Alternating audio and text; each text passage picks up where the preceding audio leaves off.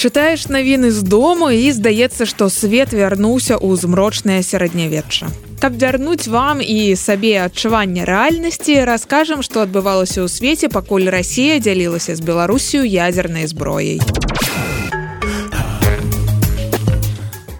Калі пішаце фантастычны роман лепш паспяшацца інакш Ілон маск рэалізуе ўсе ваши фантазіі пакуль вы спрачаліся ці нармальна ён спраўляецца з кіраўніцтвам twitter іншая кампанія маска па вытворчасці нейрачыпаў атрымала дазвол праводзіць выпрабаванні на людзях кампанія нейролінк хоча з дапамогай імплантаў даць людзям магчымасць аднавіць зрок і нават рухомасць піша BBC гэта працуе прыкладна так. Чыпы счытваюць сігнал які генеруе мозг і праз блутуз перадае сігнал далей на прылады набіраць добраахвотнікаў просто цяпер кампанія пакуль не плануе нейралінк ужо не ўпершыню просіць дазволіць выпрабаванне на людзях але мінулым разам заявку адхілілі з меркавання ў бяспекі эксперты папярэдзілі што спатрэбіцца шмат эксперыментаў перш чым вырашацца і тэхнічныя і этычныя праблемы Маск не адзіны, хто абяцае з дапамогай нейраімплантаў мяняць жыцці. Нядаўна швейцарскія навукоўцы змаглі паставіць на нагі паралізаванага мужчыну з нідерландаў. Так праўда. Ён думаў, што ходзіць і хадзіў. То бок хадзіў літаральна таму, што думаў пра тое, што ён ходзіць. Сістэма імплантаў па бесправадной сетцы перадавала думкі ў ногі і ступні.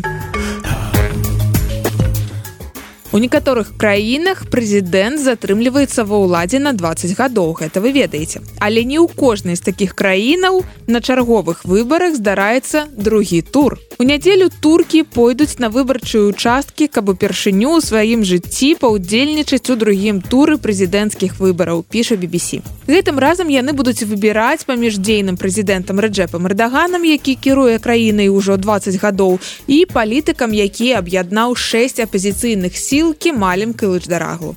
У першым туры разрыў паміж двума гэтымі палітыкамі быў невялікі і ўсё ж кілыч дараглу прайграе эрдагану. І аглядальнікі BBC заўважаюць, як мяняецца яго рыторыка. Спадарка лыч дараглу раней выпраменьваў надзею і абяцаў свабоду і дэмакратыю, але пасля расчаравання ў першым раўндзе ён рэзка павярнуў направа. Цяпер клапатлівага дзядулі менш, а прыхільніка жорсткай лініі больш. Напрыклад, палітык з ціхім голасам, пра якога мы вам раней распавядалі, ўжо заявіў на нядаўным перадвыбарным мітынгу што адправіць усіх уцекачоў дадому і кропка. Сярод іх дарэчы тры мільёны сірыйцаў якія уцяклі ад вайны. Але ў гэтым траўні турцыя выбірала не толькі прэзідэнта але і парламент. І вынік туркі абралі самы нацыяналістычны і самы кансерватыўны парламент за ўсю гісторыю.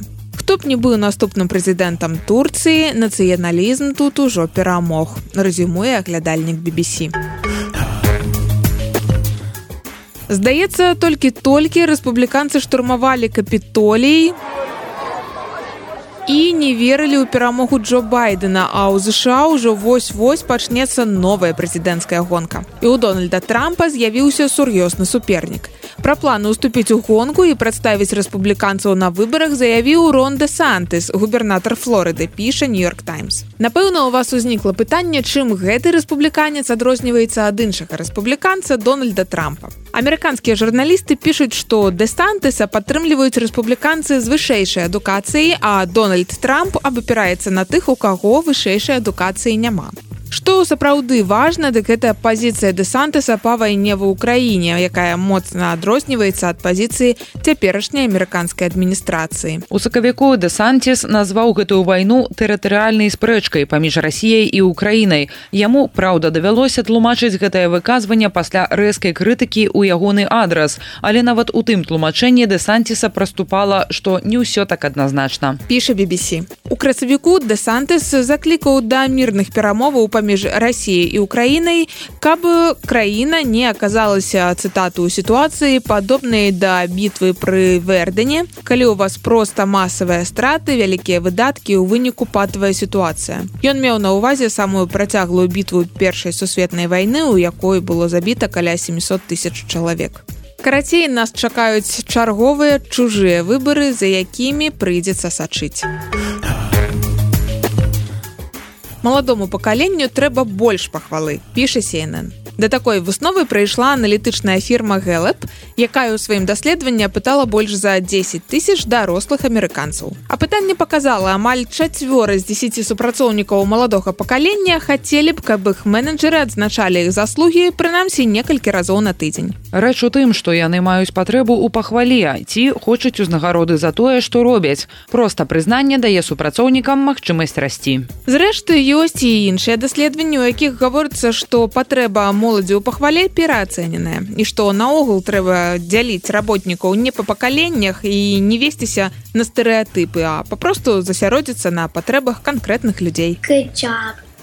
So. Ніколі не позна матывуе Вашынгтон пост і расказвае гісторыю настаўніка музыкі, які атрымаў дуплом у 101 год. Малады амерыканец Фредерик Тейлор, маладым ён быў у мінулым стагоддзі, у 1939 годзе паступіў у каледж свайго роднага горада ў амерыканскай Айове, а праз два гады Японія атакавала Перл Харбор. Тейлор і яго сябры не хацелі быць прызванымі ў пяхоту і вырашылі замест гэтага лётаць на знішчальніках і пайшлі вучыцца калі аднакурснікі тэйлора рыхтаваліся да выпускнога яго самога якраз адправілі вучыцца новай цяпер ужо вайсковай спецыяльнасці і замест вясёлых апошніх месяцаў у каледжы у яго былі доўгія месяцы жыцця ў намётах у дождж і снег. Пазней тэйлор усё ж стаў настаўнікам музыкі ён кіраваў школьным аркестрам які часта граў на выпускных то бок на чужых выпускных. І кожны з гэтых выпускных нагадваў яму пра цырымонію ўручэння дыпломаў у яго ўласным коледжы якую ён прапусціў. Але дачка тэйлора даведалася пра яго шкадаванне і звярнулася да адміністрацыі коледжа. Там вядома былі толькі рады ўручыць дыплом свайму выпускніку. Цяпер тэйлору 101 год і ён нарэшце падняўся на сцэну каледжа праз 80 гадоў. Некаторыя жаданні вельмі проста выканаць трэба толькі, каб вашыя блізкія даведаліся пра тое, чаго вам хочацца. Інфармацыйная служба еўрарадыо.